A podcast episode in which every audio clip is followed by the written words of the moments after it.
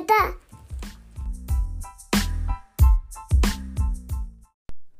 Ja, da var det onsdag kveld igjen, og nok en gang så skal jeg lage en soloepisode. Eh, det er litt med vilje denne gangen, fordi det ble eh, Ja, én gang gjør ikke en tradisjon, men to ganger da begynner vi å nærme oss. Og sist gang det skjedde, så var det jo helt eh, uplanlagt. Da satt jeg her og hadde ingen gjester å publisere episode med, og måtte rett og slett eh, snekre sammen en episode på egen hånd. Eh, men det viste seg å være helt OK for eh, mange av dere, så derfor så blir det en sånn soloepisode igjen i sesong to av Tvillingrådet. Med bare meg. Nå sitter jeg riktignok ikke på badegulvet mitt, jeg sitter på det jeg liker å kalle for kontoret. Ehm, og har eh, prøvd å forberede meg litt på en veldig kort session, tenker jeg, fordi så lenge, selv om det er gøy og og, og lettere enn en skulle tro, så er det jo et eller annet med å, å kanskje prøve å holde seg til eh, ja, til rimelighetens grense på tid. Eh, men eh, litt erfaringer fra både denne sesongen står på eh, planen. Eh, og for ei drøy uke siden, nesten to, så hadde vi en Instagram-kampanje gående der vi spurte dere som følger oss der, om hva dere vil at vi skal snakke om i podkasten. Um, parallelt så har jeg òg drevet og snappa litt på Snapchat for denne Snap-kanalen Tvillingmafiaen, som eh, Jeg skal ikke si at vi har et offisielt og formelt samarbeid med dem, men vi samarbeider godt med dem. De eh, tror på vår sak og, og, kjemper for å Eller i hvert fall ja, hjelpe oss å spre kunnskapen om vår forening, at vi fins og hva vi driver med. Um, og så bidrar vi litt inn uh, til deg med å snappe og fortelle litt om hvordan det er å både jobbe i Tvillingforeldreforeningen, men òg livet med tvillinger og andre finurligheter som livet byr på. Uh, fordi vi er jo ikke bare tvillingforeldre. Først og fremst er vi jo våre egne personer, og det vil jo alltid innebære noen nyanser. Og dette er et tema som jeg er veldig glad i, og kunne sikkert snakket om i en evighet i en egen podkast om jeg hadde villet og fått lov. Um, og det kan jo det hende at jeg skal gjøre en gang, men ikke akkurat nå. Uh, I dag er det meg.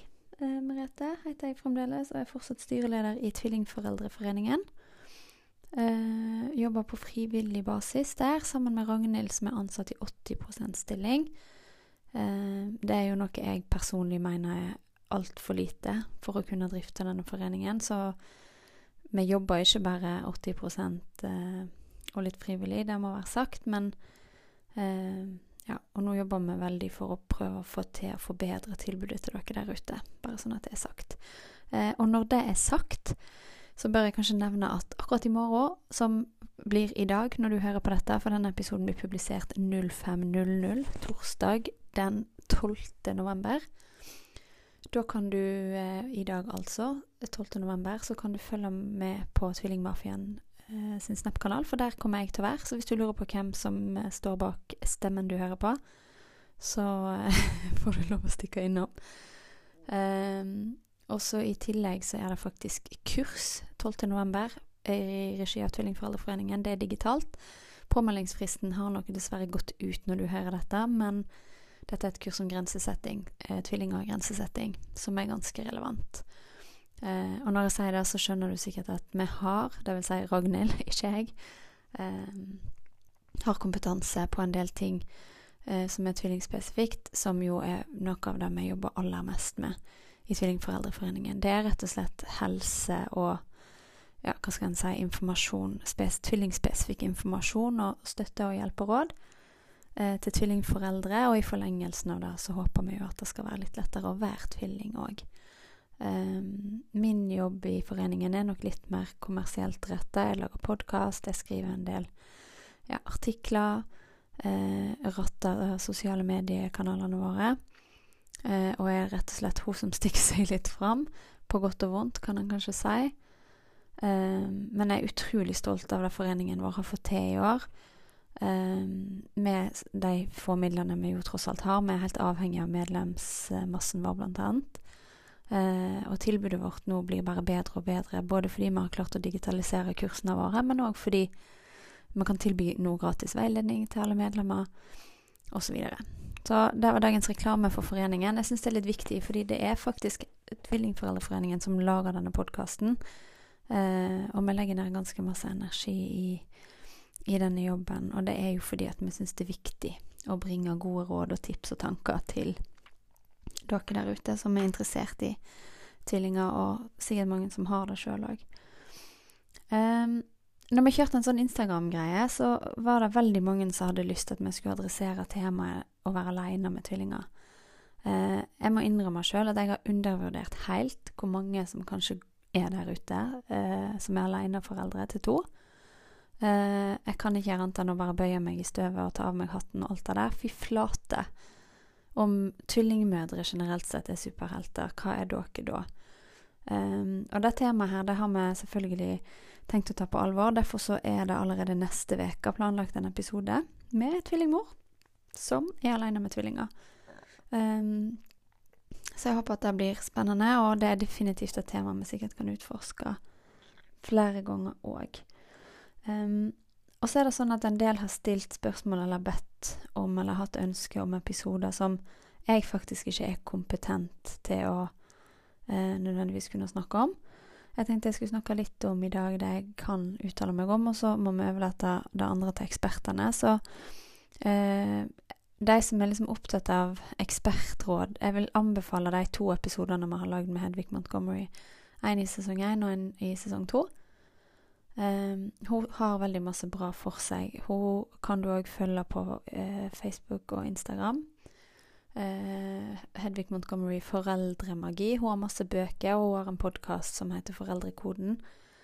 Den dama der er ikke bare liksom god på disse tingene, men hun hun forsker på utviklingen, og så setter hun det du ser når du ser på barnet ditt, og det barnet ditt gjør, det setter hun i en kontekst av forskning og rett og slett forståelse av den utviklingen som foregår inni hjernen og resten av kroppen til barnet. Og det er ganske fascinerende, fordi hun kombinerer to dimensjoner der som er Ja, jeg syns i tillegg til at hun gjør det på en veldig sånn finurlig og fin måte, så jeg vil bare gi en skikkelig skikkelig shout-out til Hedvig, fordi hun har òg stilt opp i, podcast, i vår podkast eh, helt uten å liksom Ja, bare helt frivillig, det òg.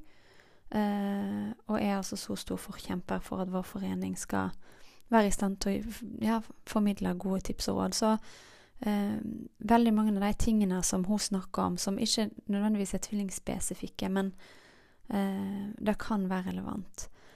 Men det bringer meg òg inn på det temaet som, som, kurset i morgen, eller i dag, da blir det jo for dere som hører på, skal handle om med tvillinger og grensesetting. Fordi det er sånn at de tingene som gjelder for ett barn, eh, tips, råd, praksiser, altså måter å gjøre ting på, det er ikke alltid gjennomførbart når du har to, fordi de vil alltid forsterke hverandre. Hvis den ene blir forbanna, så kan du ta deg F på at den andre blir forbanna.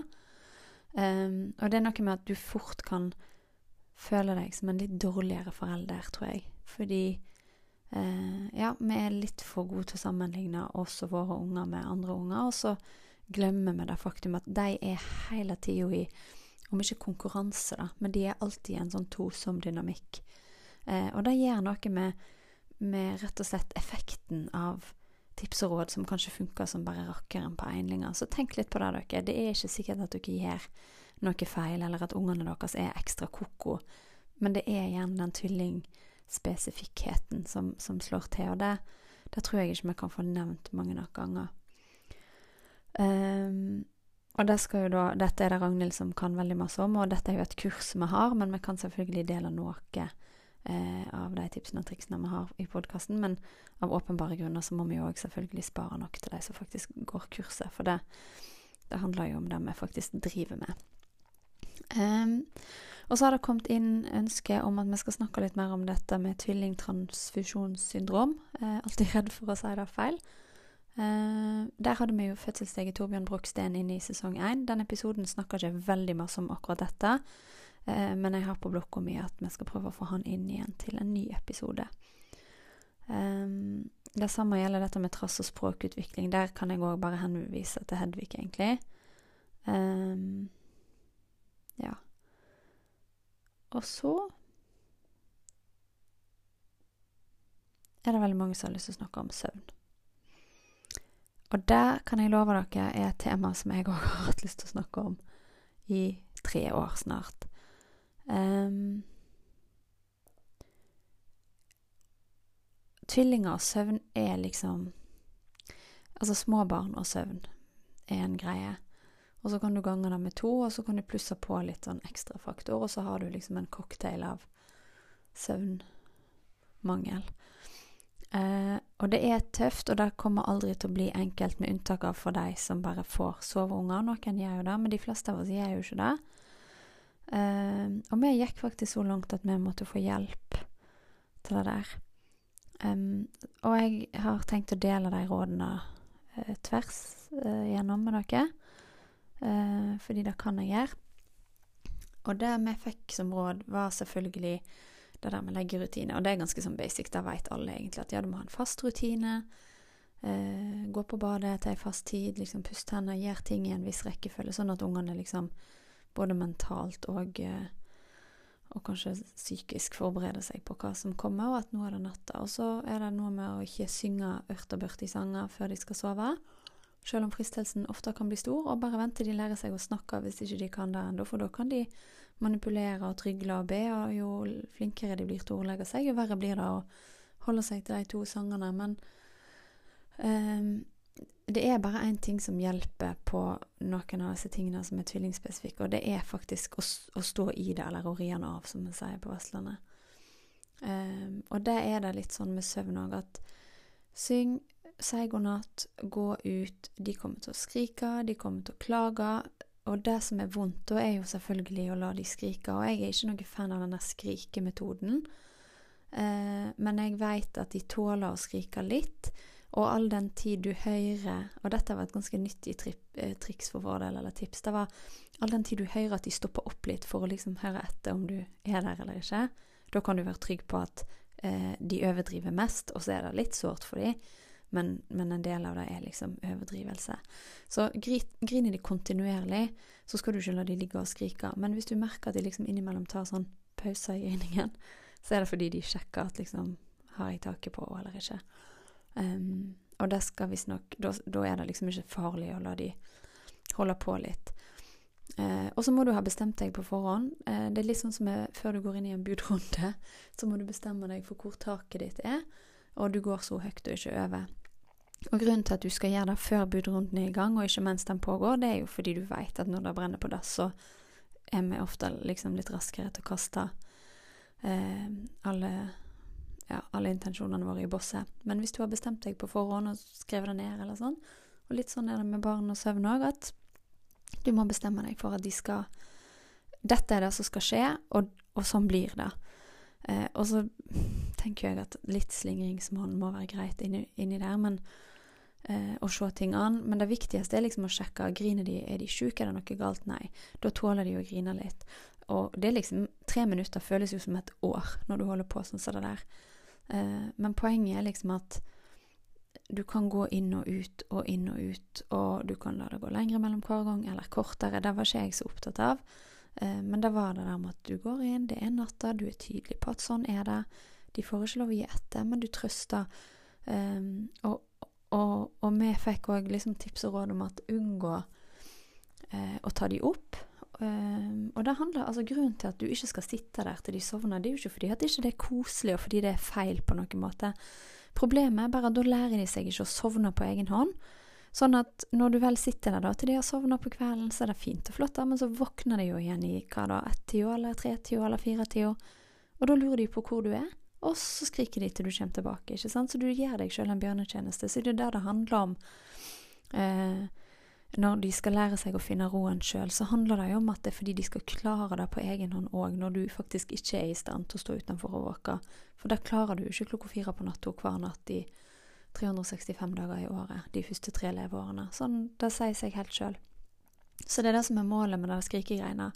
Det er jo ikke for å være slem med de. Um, og så er det òg sånn at når de først har sovna uh, ja, og det for så vidt bare si det òg, samme grunn til at ikke du skal busse de i søvn. Det er jo nettopp det at hvis de da våkner midt på natta, så trenger de at du busser de tilbake i søvn, og det har du ikke lyst til å gjøre midt på natta. Så Det var ganske common og basic råd, og alt dette var liksom ting vi hadde tenkt på, da, men det var noe med å få den der sjøltilliten til å stå i det. Som, som jeg sa, vi hadde en ekspert som, som liksom bekrefta at det vi trodde at det kan vel umulig være farlig å la de skrike litt og bare se. Og det der med å sove på samme rom eller hver for seg Jeg har alltid insistert på å ha de på samme rom. Uh, Marte, kona mi, har uh, i noen perioder insistert på at nei, nå flytter vi de. Men det har jeg tenkt at det blir bare mer stress, fordi da er det jo to rom du skal springe til. Og min erfaring, dette er selvfølgelig individuelt, eh, men det er at hvis de først har sovna, så kan den ene skrike og holde på ganske masse. Uh, uten at den andre våkner. Og så kan du være, selvfølgelig være helt sikker på at når den, den som skreik, endelig sovner, og, og, så kommer det et nys eller et lite host, da er det nok til å vekke den andre. Så de våkner ikke av en krig, men de våkner av ei knappenål som detter i gulvet. Eh, men da er det jo fint hvis de kan våkne og finne roen sjøl, at ikke du må gå inn der og, og styre på. Så det er nå én ting. Men så er det òg det der ungene som driver og våkner på natta og skriker og er urolige og nattskrekk og sånn. Og jeg tror ikke jeg skal påstå at jeg har erfaring med nattskrekk, men kanskje en slags tendens eller variant, eller vel, i hvert fall mild variant. Men det vi lærte da òg, var at istedenfor å eh, å ta de opp og trøste, for ofte så sover de. De griner i søvne. og det, Så det er noen ganger det aller mest effektfullt å bare stå i rommet og si liksom Så, så, det går fint. Mamma er her. Um, framfor å ta på de og ta de opp. Fordi hvis du gjør det, da risikerer du å vekke de, og da blir de i hvert fall litt sånn skipla, som er et uttrykk som uh, for meg er veldig, veldig betegnende for akkurat det. Skipla. Håper det gir mening for dere òg. Eh, men at det kan gjøre vondt verre, da, fordi da havner de i en sånn mellomtilstand der de verken sover eller er våken, og da er det helt umulig å roe de. Så det er ikke alltid at man skal ta på de en gang, men kanskje legge en arm på, eller i beste fall bare si så, så, så, så, hysj, hysj, hysj, eller ja. Eh, så kan det gå veldig bra. Men det som vi fikk absolutt mest ut av når det kom til det søvngreiene Fordi vi sleit Altså, ja, legging kunne være litt kaos, og de kunne våkne noen ganger på nettene, men stort sett så sovna de jo igjen med litt innsats. Og det var liksom ikke det vi syntes var verst, men det vi syntes var helt forferdelig, var den der 0415 ding, våken, ikke sant? Ferdig. Skal ikke sove mer. Og vi kunne ikke fatte og begripe hvordan de der ungene kunne klare seg på så lite søvn. Uh, og dette var jo for så vidt fortsatt mens de sov på dagen. Og det har de alltid vært ganske glad i. Uh, I begynnelsen så måtte de alltid trilles i vogn, helt til jeg en dag plutselig oppdaga at det trengte de ikke lenger. Og da uh, ble jeg både kjempeglad og kjempestressa, fordi det hadde jo vært en veldig sånn fin ordning med å komme seg ut og gå i nesten to timer i strekk for å få de til å sove. Og da da føler du at du, ja, du holder deg litt i form, du får frisk luft, du får liksom rørt deg. Til at du plutselig kunne liksom gå 200 meter og sette deg på kafé. Men det er en annen historie. I hvert fall så sov de fortsatt på dagen, men dette lærte vi jo da. For de tidlige morgenene Vår rutine var jo at liksom eh, Vi åt eh, middag, og så gikk vi på badet. Dette var når de var små, eh, og før Ja, før sommeren nå i år. og så gikk vi på badet. Og da tok vi på pysj, altså ja, vaska oss og tok på pysj og blei og eh, pussa tenner. Nei, det gjorde vi ikke. Vi tok på pysj og blei. Og så gikk vi tilbake, og så så vi barne-TV, og så fikk de seg en kopp med varm melk. Eh, og så gikk vi tilbake på badet og pussa tenner, og så gikk vi inn på soverommet, og så sang vi eh, to sanger, og så var det natta. Eh, og det var sånn når vi hadde fått koll på den rutinen. Men så var det de morgenene, da, for de våkna så innmari tidlig. Og den ene kunne ofte sove til seks, men den andre bare våkna klokka fem eller kvart over fire. Og sånn drev de på og bytta, da. Og det var liksom Du merker at liksom OK, nå var det du som var tidlig våken, da kan du være sikker på at Men de aldri sov de like lenge. Eh, og så kan man kanskje si heldigvis så våkna de aldri begge to like tidlig, sant? så du hadde på en måte i hvert fall bare én unge å deale med. Men rutinen var, da var jo at liksom, ok, når vi endelig kapitulerte, da fine med å få stå opp. Eh, det var jo å gi en kopp med varm melk. Og der fungerer jo som belønning. Så det var jo derfor, når de ungene våkna Grunnen til at de da ikke ville sovne igjen etter et visst tidspunkt, sant? fordi da begynner dagen å ry, da ville de jo ha premien sin. Og de fikk jo belønningen sin i form av ei deilig flaske med varm melk. Eh, Så da var det ikke så rart at de ville stå opp. Så det vi fikk beskjed om, var å sløyfe den morgenmelka. Eh, og i hvert fall liksom med en gang. Det første vi gjorde, det var liksom La det være litt kjedelig. Ja, vi kan godt stå opp. Hva vil du gjøre? sant? Sett deg på gulvet med de og Nei, det blir ikke noe melk. Og det er klart, den er tøff. Og det tok tre dager for vår del med masse hyling og skriking. Spesielt Olai. Han var helt hysterisk. Eh, men så ble det faktisk bedre. Og det der gjelder jo alle mulige belønninger.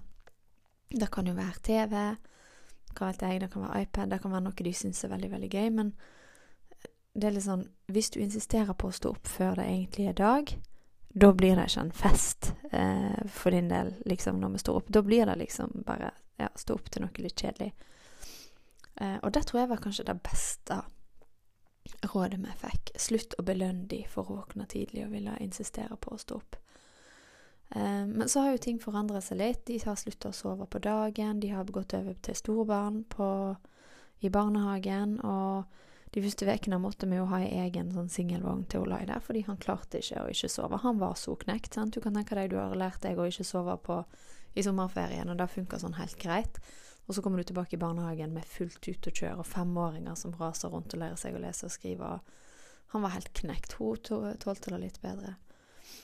Eh, og da eh, Da begynte jo leggerutinen å bli Da ble utfordringen at de var så sjukt trøtte når vi kom hjem, så de kunne sikkert ha lagt seg klokka halv seks.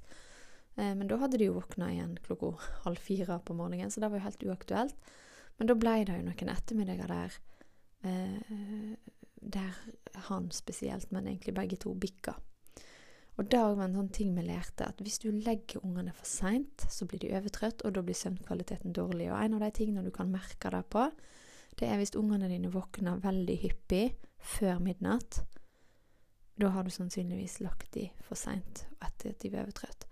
Og jeg husker meg òg, jeg husker svigermor, og det, hvis du hører på seg selv, du vet at jeg har veldig veldig sansen for deg, og jeg vet at du kan masse, men en av de tingene som eh, jeg husker i hvert fall at hun sa det var Altså, det, det, er jo ikke rart at de ungene våkner tidlig, dere legger de jo så tidlig. Men det rådet vi fikk, eh, det var faktisk legg de enda tidligere. Fordi de er sannsynligvis overtrøtt. Og det òg, det funka. Det er bare tull eh, at hvis du legger de seinere, så sover de lenger. For det hjelper ingenting hvis de er overtrøtt, for da blir søvnkvaliteten dårlig. Og hva veit vi? Jo, sover du dårlig, så sover du dårlig. Og søvn avler søvn og alt det der. Og det gjelder faktisk litt for oss voksne òg. Eh, nå husker ikke jeg sist jeg sov middag. Jeg pleier å sovne litt når ungene legger seg. Um, så sovner jeg ofte sjøl på gulvet hos dem. Men, men eh, når jeg pleide å sove middag i hine hårde dager når jeg var singel og aleine, så, så sov jeg jo dritgodt på nettene. Jeg hadde ingen problemer med det. Så jo mer søvn, jo bedre. Men det er klart Det der òg er en balanse, det handler litt om alder og ja. Eh, poenget mitt er i alle fall at hvis du har unger i ett, to, opp mot treårsalderen Vi legger ungene våre fortsatt i halv sju-tid, og noen ganger nærmere sju. Det kommer litt an på hvor lenge de har sovet den dagen, og våre unger er litt sånn du kan se det på dagsformen, da. I dag sov begge relativt lenge, det vil si til kvart over seks, kanskje ti over seks. Eh, og begge har hatt en fin dag i barnehagen, og det var ingen krise når de la seg. Men, og nå har Amelie begynt å bare legge seg ned og lukke øynene. Men han ligger og ja, suller litt før han sovner. Men sånn er det. Og så er ikke det, det er problemfritt. Altså, nå har vi andre issues. sant? Nå har hun f.eks. lagt seg til en vane med at hun våkner midt på natta og skal absolutt inn i senga vår og sove. Og fordi vi ikke orker å ta den kampen, så får hun ligge i senga vår. Og det går jo helt fint all den tid hun ligger sånn halvveis i ro, men det er jo ikke alltid at hun gjør. Og hvis han òg plutselig da våkner for for seg at han skal komme inn, da er det jo full fest i senga. Og da sover de kanskje godt, men vi ligger der og blir sparka i ansiktet. Og det sier seg jo sjøl at det blir ikke sånn kjempebra søvn av det. Um, men ja, jeg tror det oppsummerer egentlig de rådene og tipsene jeg har om søvn, i hvert fall i den aldersgruppa som vi har unger i nå. Eh, og så trøster jeg meg jo med at vi har jo en 14-åring òg, og jeg trøster meg jo med at på et eller annet tidspunkt så blir de sånn som han, som alltid vil det å sove. Eh, og det er jo ikke alltid at det er like positivt, det heller. Så alle aldre har sin sjarm, sier de. Eh, vi har blitt anbefalt ei som heter Caroline Lorentzen, som visstnok er veldig god på søvn Eh, og hun òg er liksom litt god på det med tvillinger, så jeg tenkte jeg skulle faktisk prøve å kontakte henne. Det har jeg ikke gjort, eh, men det kan jeg jo gjøre. Eh, men det òg er sikkert ei dame som kan lære oss enda mer om akkurat det med søvn.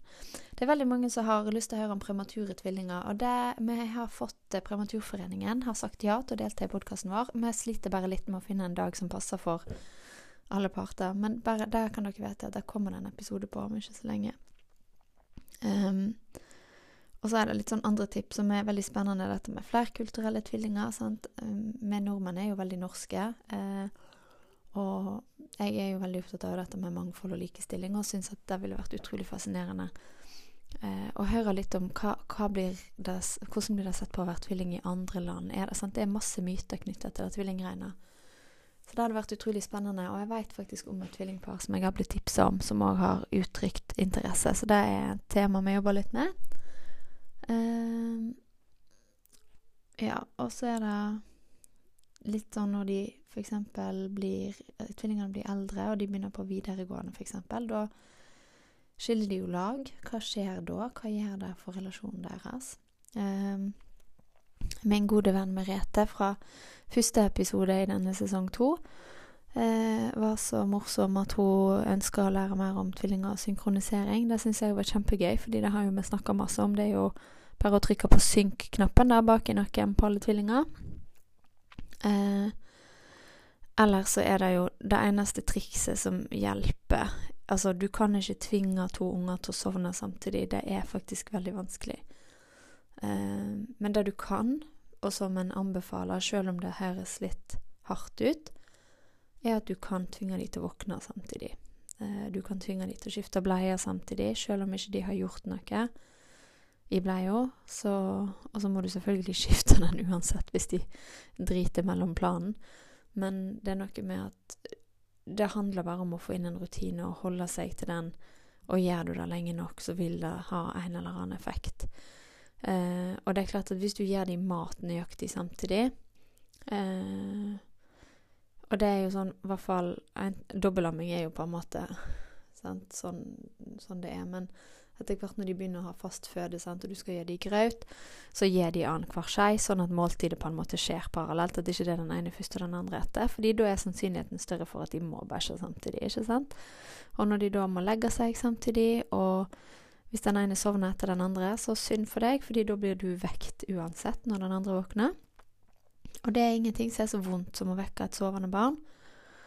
Eh, men det jeg vet at vi har sagt eh, på våre fødselsforberedende kurs, er at de, de tar ikke skade av det. Ja, det er snarere tvert imot så vil det være verre for tvillinger å ha foreldre som går helt opp i limingen, da, fordi de er så sliten. Så den synkroniseringen, det handler jo ikke om at det er nødvendigvis det beste for ungene, men det er veldig praktisk for foreldrene, og det handler litt om at du skal faktisk få gjort litt andre ting òg enn å bare være tvillingmor eller far. Fordi eh, du trenger jo å vaske klær, du trenger å lage mat, du trenger å ete mat, du trenger å sove litt. Innimellom så kan det være smart med en dusj.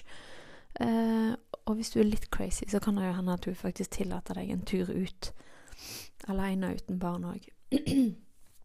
og alt det er litt lettere hvis du har en rutine på de. Så eh, ja, så hardt, eller harskt som det kanskje høres ut, så, så er det noe med å tvinge de inn i den rutinen. Og hvis du tenker på det, så eh, Altså, vi må alle begynne på skolen og innfinne oss med de sosiale normene og reglene som finnes der. I barnehagen, eh, i arbeidslivet. Altså, vi, klar, vi er tilpasningsdyktige. Og dette handler jo ikke Igjen, det handler ikke om at det er best for tvillingene nødvendigvis å være synkrone. De ville sannsynligvis satt pris på aller helst å få lov å gjøre akkurat det de vil når de vil. Men igjen, det handler om deg som forelder sin forutsetning for å få litt overskudd. Um, og det er så viktig. Dette snakka jeg masse om sist jeg snappa for Tvillingmafiaen. Jeg kommer sikkert til å touche temaet igjen i morgen, men vi veit at i Norge så er 77% av alle tvillingmødre er i høyrisikosonen for enten forsinka fødselsdepresjon eller svangersk... Nei, ikke svangerskapsdepresjon, men, men fødselsdepresjon og forsinka fødselsdepresjon. Og det gjelder helt fram til ungene er fem år. Det betyr at 7,7 av 10 tvillingmødre er i høy risiko for å utvikle den depresjonen. Eh, og veldig ofte så er det mødrene sjøl som oppdager den, og i veldig mange av tilfellene så er det jo ikke sånn at du går rundt og tenker 'Å ja, kanskje jeg har en depresjon', ja, når tvillingene er tre eller fire år. Eh, nei, du tenker at eh, du er sliten, du tenker kanskje at du ikke får det til, du tenker kanskje at du ikke, har ikke gjort en god nok jobb, du tenker kanskje at du klarer ikke å få ungene dine til å lystre deg, det er noe feil på deg, eh, og så havner du i en sånn dårlig spiral. Og det med psykisk helse og tvillingmødre, og tvillingfedre òg, for den sakens skyld, men tvillingforeldre for øvrig, Eh, det tror jeg det definitivt kunne vært mer fokus på. Ja, putt en femmer på meg og snakk om psykisk helse, liksom. Eh, dette er viktige temaer, og jeg er kanskje litt over gjennomsnittet opptatt av det med psykisk helse. Jeg tror, eh, jeg tror jo spesielt den tida vi lever i òg, med, med, korona eller covid-19, eh, som vi trodde jo at vi skulle slippe å snakke mer om nå. Eh, jeg tror det kan være ekstra belastende å være tvillingforeldre, og, og, kanskje spesielt hvis du enten ikke har så masse hjelp rundt deg, eller hvis du er alene eller periodevis alene. Noen har jo partnere som reiser masse, og så videre. Eh, så ja, det er litt viktig å kjenne etter dere og senke kravene. Det har vi sagt så mange ganger, men jeg tror det er viktig, da. Eh, jeg tror òg det er viktig å, å kanskje liksom være klar over det der med den eh, statistikken, fordi det er faktisk så slitsomt å ha tvillinger at du går på akkord med deg sjøl i så lang tid. Og når du kanskje begynner å tenke at liksom Ja, nå, nå begynner det å bli litt enklere. Det er gjerne da smellen kommer, sant. Eh, og da er det faktisk ikke greit å skulle rundt og liksom føle seg mislykka. Fordi da er det faktisk helt naturlig at du får en reaksjon. Eh, og jeg tror det er fortsatt altfor masse skam og tabu rundt det der med psykisk helse. Um, og hvis vi kan være en forkjemper for å få fram i lyset at det er helt naturlig, og egentlig en ganske normal reaksjon etter en så stor påkjenning over så lang tid, uh, så kanskje vi kan bidra til at noen Vi kan kanskje ikke forhindre at depresjonen kommer, med mindre vi klarer å få til støtteordninger som gjør at det blir lettere rent praktisk å ha tvillinger. Det veit jeg ikke. Det er klart vi jobber alltid for å gjøre det enklere, men det er klart at den er litt far-fetched. Eh, men vi kan i hvert fall på en måte oppfordre folk til å kjenne litt etter, og kanskje ta signalene før du går rett i bakken, da. Og hvis du først går på en smell, så skal det i hvert fall ikke være angstbetont eller eh, tabubelagt å snakke om det og liksom ja, søke hjelp, fordi det er faktisk veldig vanlig. Um, ja, nå har jeg sittet og skravla ganske lenge.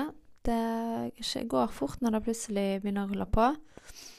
Um, nå ble jo dette en litt sånn saklig episode, og egentlig kanskje en kjempestor reklame for foreningen. Men vet dere hva, det syns jeg faktisk må være greit. Uh, all den tid dette initiativet stort sett alltid ellers handler om å, å informere og, og, bidra og ja, lære og komme med gode tips og triks.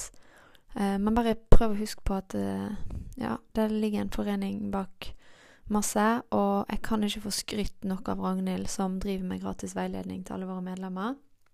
Det gjelder barnehagestart, det gjelder skolestart, det gjelder tvilling og identitet, og alle mulige andre settinger du kan befinne deg i under svangerskapet. Og da må dere òg huske på at Ragnhild er fagperson, det er jo ikke jeg. Så hvis du syns at jeg fjaser og maser og kjaser litt vel masse, så er det helt greit. Um, det er òg lov å liksom hoppe til neste episode eller høre på en annen hvis denne soloepisoden ikke er din favoritt. Um, der òg har jeg liksom blitt såpass gammel at uh, det er helt greit. Um, men vi er her for å prøve å gjøre det lettere å være tvillingforeldre, fordi i forlengelsen av det så tror vi at det kanskje blir litt lettere å være tvilling. Og så er vi jo alle tvillingforeldre, vi som jobber i foreningen, uh, enten i styret eller ja. Så det er klart at temaet er veldig spennende. Um, så jeg håper at dere har lyst å delta på kursene våre. Uh, I morgen er det som sagt for seint å melde seg på til grensesetting, men det kommer flere kurs. Bare følg med på tvilling.no. Uh, dere er alltid hjertelig velkommen til å sende oss meldinger på Instagram eller Facebook, eller på mail uh, post at tvilling.no. Uh, konstruktive tilbakemeldinger, positive og negative, men bare vær konstruktiv, så er det lov. Um, og så er det jo hyggelig hvis dere hører på denne episoden tidlig torsdagsmorgen, da, så Stikk gjerne innom snappen til Tvillingmafiaen. Jeg skal snakke enda litt mer der om ja, ulike ting som opptar både oss som forening, men òg litt fra mitt liv som tvillingmamma. Um, så det var det jeg hadde for i dag. Dette er altså soloepisoden i sesong to av Tvillingrådet. Neste uke så kommer, hvis alt går etter planen, eh, Bettina, som er aleine med sine enegga tvillinggutter. Eh, og fram til det så håper jeg at dere tar vare på hverandre. Husk at det går an å være sosial sjøl uten å være fysisk. Hook opp med en venn på Teams eller Zoom eller FaceTime for den sakens skyld. Og husk på at det er lov å av og til kjenne på at det kan være litt masse. Det er helt normalt. Og jeg tror vi har mye mer i oss enn det vi tror òg. Men ja, jeg tror det er viktig at vi legitimerer det der litt. All right. Nå har vi hatt nok. Tusen takk nok en gang for at du hørte på. Dette er Tvillingrådet. Takk for i dag.